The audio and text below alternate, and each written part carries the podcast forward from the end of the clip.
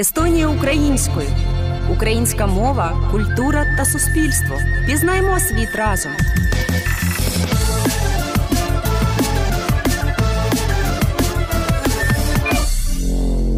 Вітаю вас в ефірі Естонія українською. Новий подкаст Рус Делфі про українську культуру та життя українців. У нас завжди знакові особистості, цікаві теми, унікальні інсайти. І сьогодні у нас дуже особливий гість. У гостях у подкасту Рус Делфі футболіст Леваді Ілля Марковський, який забив свій перший гол за команду Таліну. І гол виявився переможним. Ілля, вітаю вас! Як відчуття? Вітаю. Прекрасно. Як Після вчорашньої гри сьогодні проснувся, прокинувся в дуже доброму гуморі. Чи очікували ви такий фурор? Не можу сказати, що очікував. Я не думав, що буду грати на цій позиції левого Вінгера. Але так е, сталося, що я грав на цій позиції, поставив мене тренер. Те, що тренер мені сказав, я зробив та вийшло забити гол. Круто, вітаю вас ще раз. Розкажіть нам, будь ласка, чому Естонія, чому Левадія? Як відбувся ваш перехід у цей клуб? Ну, Мені подзвонив е, спортивний директор цього клубу і предложив приїхати сюди, попробувати свої сили тут, е, у Естонії. Я не відказав, тому що було гарне предложення, було гарні цифри, тому я теж я знав, що тут український президент, і я навіть і не думав і вирішив приїхати. До речі, саме про вашого президента Левадію називають найукраїнськішим клубом Естонії, тому що власник Віктор Левада етнічний українець. Скажіть, це якось впливає на ваше внутрішнє життя клубу? Можливо, у вас є якісь заходи з українським культурним контекстом? Не можу сказати, що є що є якісь заходи, але влияє так, що наш президент дуже підтримує Україну. Е, постійно про це говорить, е, постійно говорить про моє місто Одеса. Він дуже любить це місто, тому що він там вчився. Для нього це най, е, найкращі роки його життя. Він навіть мені один раз сказав, що якщо б в нього була можливість відказатися від цього, що в нього є зараз, і повернутися назад в той час, він би це зробив. Ну, ви знаєте, мені здається, важко знайти жодного українця, який би не любив місто Одеса. Це фантастичне місто, і сподіваюся, що після війни воно буде приймати таку кількість туристів щасливих, як і до війни. Наш головний редактор каже, що Естонія ідеальна країна у всьому, окрім клімату. Ви з цим згодні? Так, я коли приїхав перший раз, я чесно був немножечко в шоці. Тому Це було що, взимку, так? Так, е, взимку, 15 грудня, я приїхав сюди, прилетів. До до цього я був у теплих странах Греція, Кіпр, Ізраїль. І коли я приїхав сюди, я чесно був. Я не очікував таку холодригу, якщо чесно. І я навіть навіть от три місяці я не виходив із дому, тільки на тренування, назад додому і все, тому що я не міг там виходити, чи гуляти, чи щось робити. Для мене це було шок. Зараз вже гуляєте? Є у вас улюблені місця у Таліні? Ну, Зараз вже гуляю, так, в шортах вже прийшов, ви бачите, добра погода. Любимі місця, люблю ходити по торговому центру Віра Кескус. Це для мене найлюбіміше місце тут. Ви ем, трошки розказали про країни, в яких ви грали. Так, дійсно, ваша професійна кар'єра вона розпочалася у 2016 році, і за наступні шість років ви встигли поповнити лави словенського, грецьких, кіпрських, ізраїльських футбольних клубів. І клімат безпосередньо відбувається на футболі, на вашому стані, і всі перераховані країни вони мають зовсім різний клімат, дуже е, окремий інший від Естонії. А у перших двох турах чемпіонату Естонії Леваді довелося грати на снігу. Матчі деяких інших команд взагалі тоді скасовували. Як грати в таких умовах? Ну, як я вважаю, що в таких умовах не, не, не потрібно грати футболістам треба переносити ігри, тому що ну як можна грати, коли в тебе під ногами льот, сніг, там дуже сильний вітер. Це це мука, це ти не граєш у футбол. Тобто, тобто ті два матчі, коли довелося грати на снігу, вони були важкими, і на ваш погляд варто було скасовувати. їх? Так, як на мене, так. А вам вже вдалося зрозуміти силу Леваді? Яке місце могла б зайняти ваша команда в чемпіонаті України, на ваш погляд? Топ-5, я думаю, змогли би. Не можу сказати, що перше, друге, тому що там Динамо, Шахтар дві сильні команди. Але топ-5, я думаю, би з цим футболістом, який зараз в нас є, з цим тренером, топ-5 100% ми б зайняли. Ми ще трошки пізніше поговоримо власне про український футбол, про ваших улюблених гравців. А зараз я вас хочу запитати про те, як вам працюється з іспанським тренером Куро Торесом. Що це за фахівець? На що він звертає вашу увагу як гравця? Дуже гарний фахівець. Е, як на мене, це найтоп. Це най, найкращий тренер, з ким я працював, тому що дуже сильний мотиватор. Знає, що треба сказати футболісту, коли футболісту, коли він грає, коли він не грає. Підтримує, е, коли треба, може дати по шапці, коли треба, може сказати молодець. Е, дуже гарні тренування. Все та й великий професіонал. Що можу сказати, він грав е, у Валенції, грав проти Реал Мадриду Галактикос, проти Барселони. Я не знаю, був чи був ли в Естонії ще такий тренер такого рівня до цього. До 19 років ви знаходились у складі юнацької збірної України. Чи був у вас тоді кумир у світі українського футболу і чи є він зараз? Можливо, це різні люди або одна й та сама особистість? Ну, мені тоді дуже подобався Ярмоленко, тому що це були найкращі його роки. Ярмоленко та Коноплянка, два таких е, найсильніших гравця на то, на той час було. Зараз зараз хто мені подобається Зінченко, дуже гарний футболіст, дуже розумний. Маліновський, який зараз в Марселі грає, теж топ. Ви з ними спілкуєтеся? Ні, я не знаю їх е, так лічно. А взагалі у вас є друзі у світі українського футболу?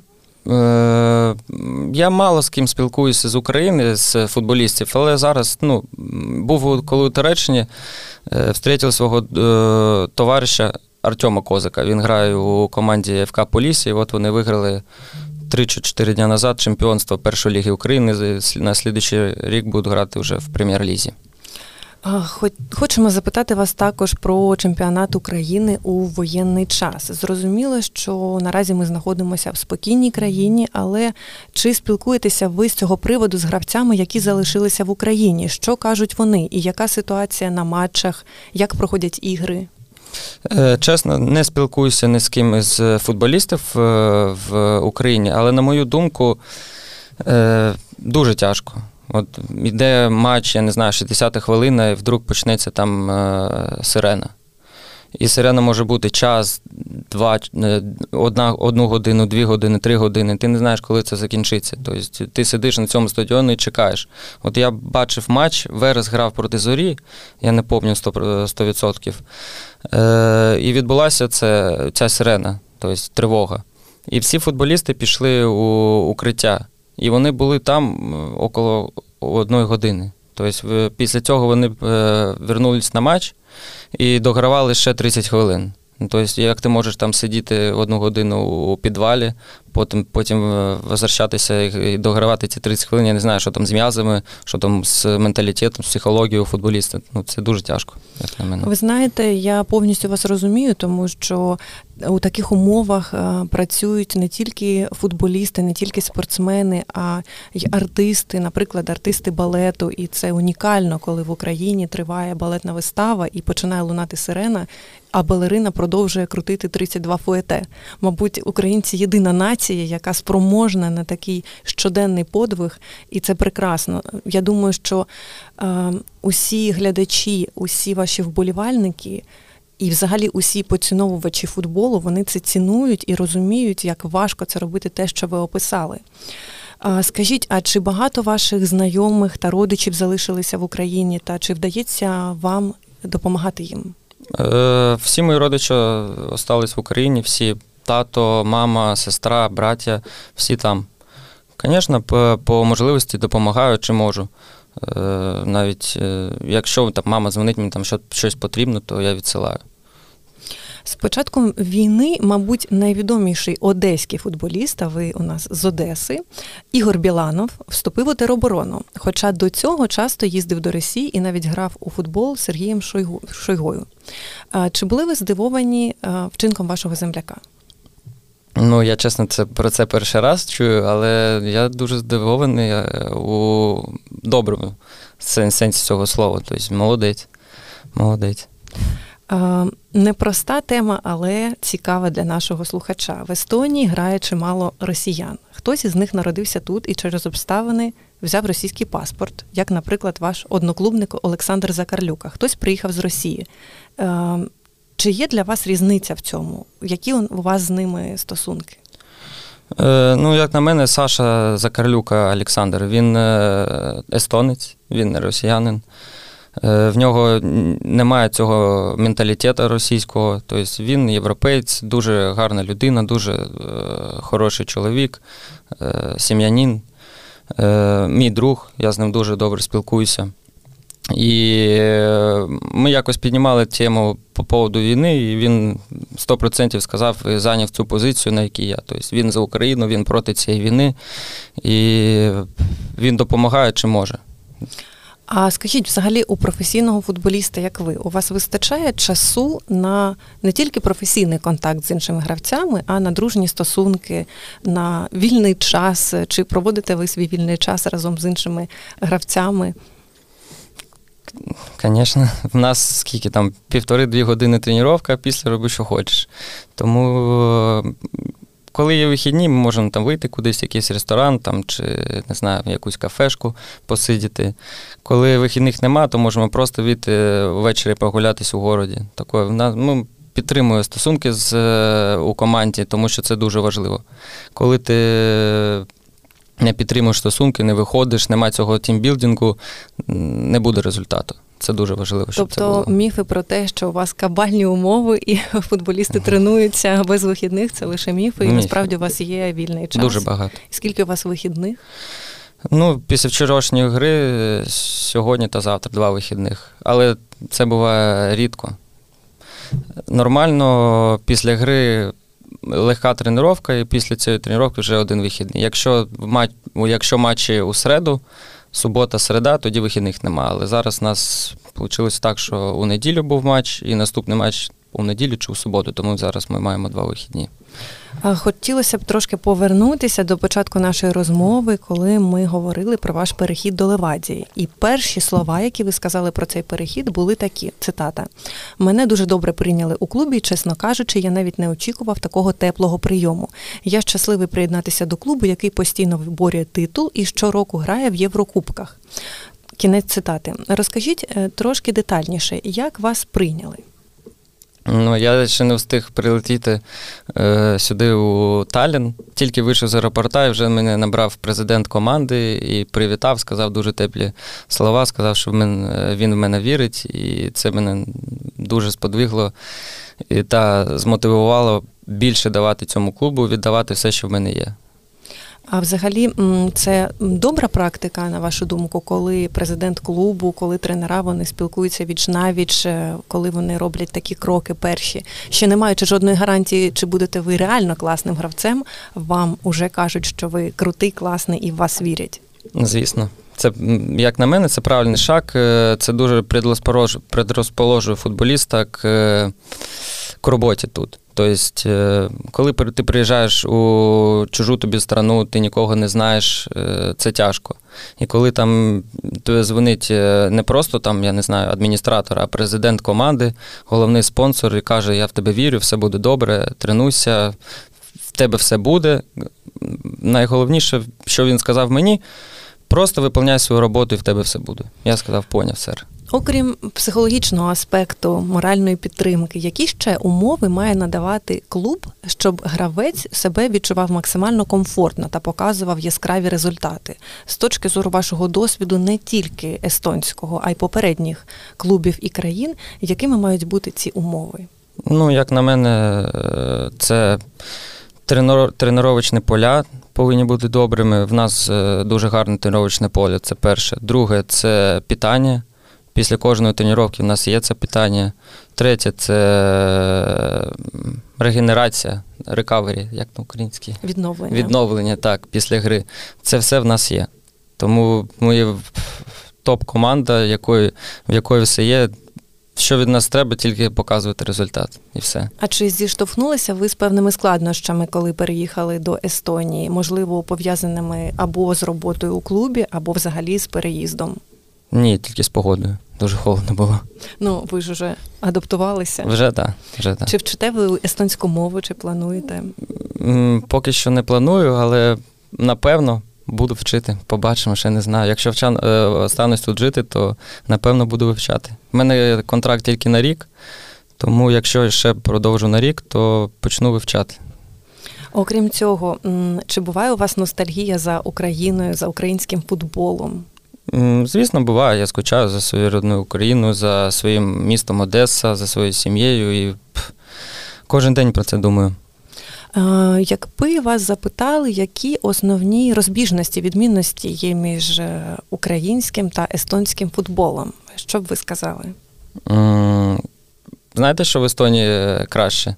Не треба їхати по тисячу кілометрів в одну і другу сторону, щоб зіграти гру. Тут ти їдеш собі 2,5 години максимум нарву та й назад. А в Україні так не буває. Тобто е, зараз ти самольоти не літають, тобі потрібно там, я не знаю, з Одеси, напевно, до Ужгорода це тисячу кілометрів, ти їдеш цілий день на автобусі, потім ночуєш, потім гра, і потім тобі опять е, назад возвращатися. Ну це дуже тяжко, як на мене.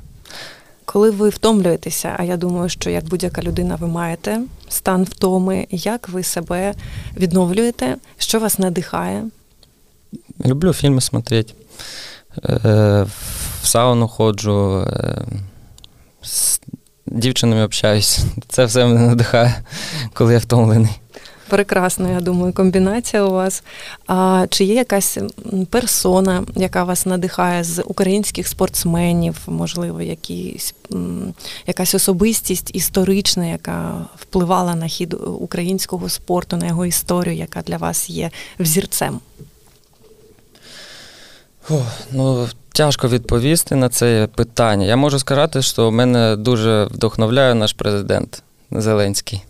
Я маю я маю в виду е, е, президент країни. Він мене дуже надихає. Він був е, обичним хлопцем, обичним чоловіком з КВН, грав КВН. А зараз він така людина, яка вистоює у цій війни. І якщо не він, то я думаю, що було б дуже тяжко. Тим не менш, ми знаходимося зараз, на мою думку, у такий непростий складний період, коли іноді хочеться спинити все, і ти нагадуєш собі, що ти маєш працювати, продовжувати заради спільної мети, заради розвитку чогось більшого, аніж ти сам. І ви а, є елементом великого світу, великого пазлу під назвою Спорт, спортивне життя. У, у якому віці ви почали розуміти, що від вас залежить щось набагато більше, аніж просто результат гри, аніж просто робота команди у цю хвилину? Як е, швидко ви прийшли до цього внутрішнього відчуття? Ну, напевно, коли я підписав свій перший професіональний контракт, вже тоді зрозумів, що від мене трохи більше е, завісить залежить.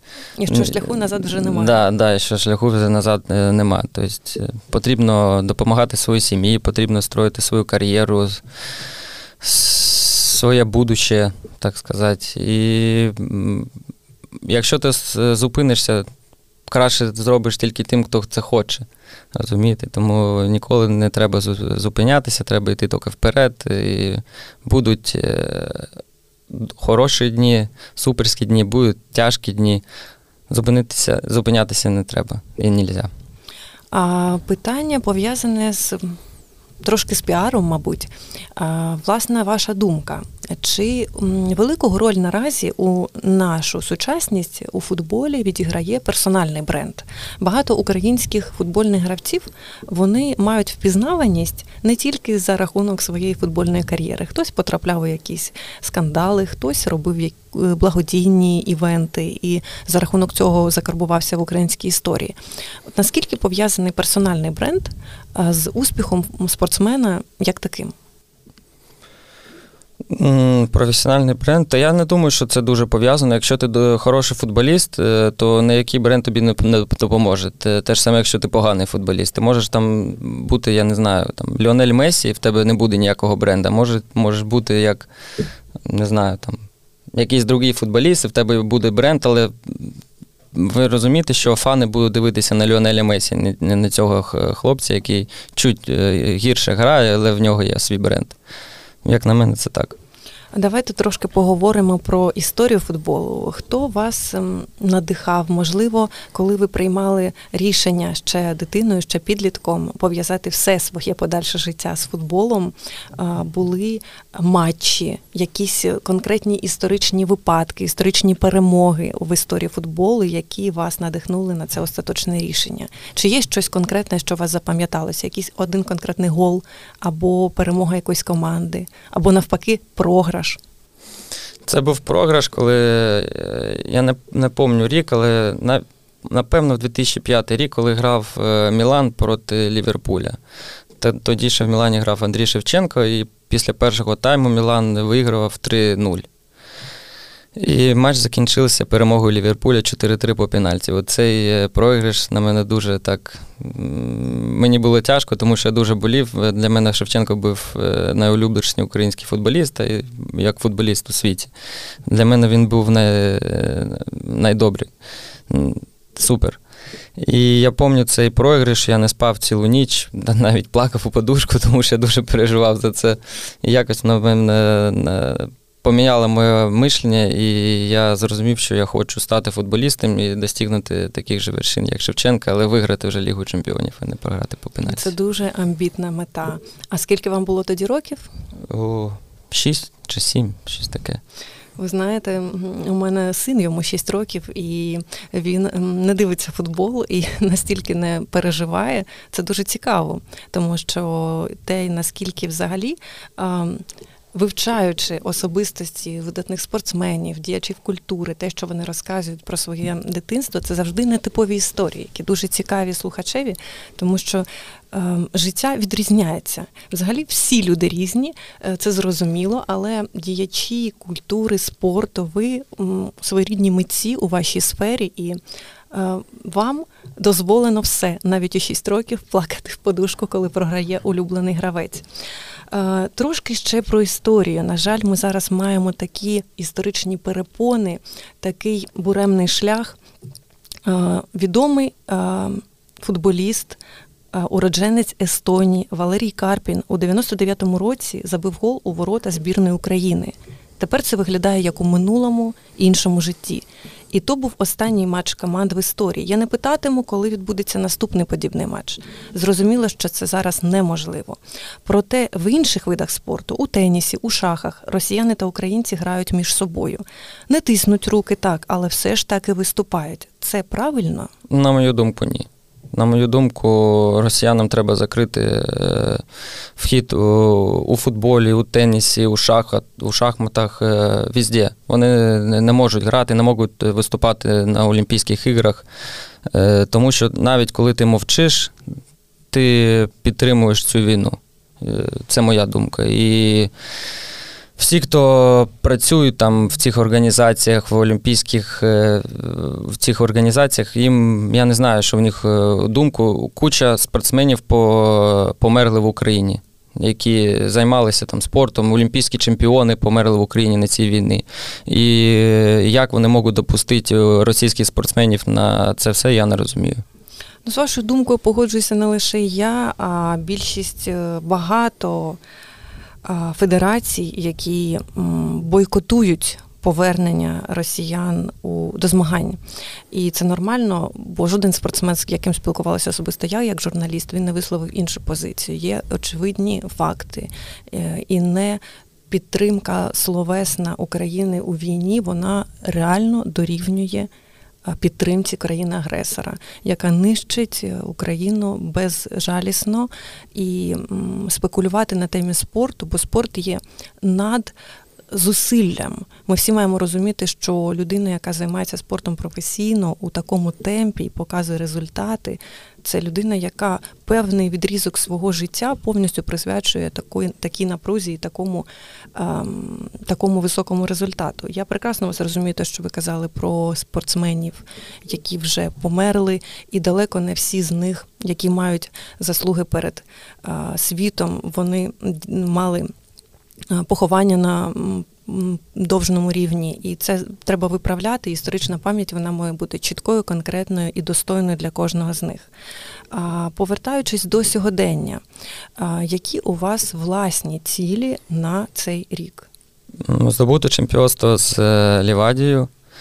Е, як він мог краще виступити у Єврокубках та виграти Кубок Естонії теж. Максимальний.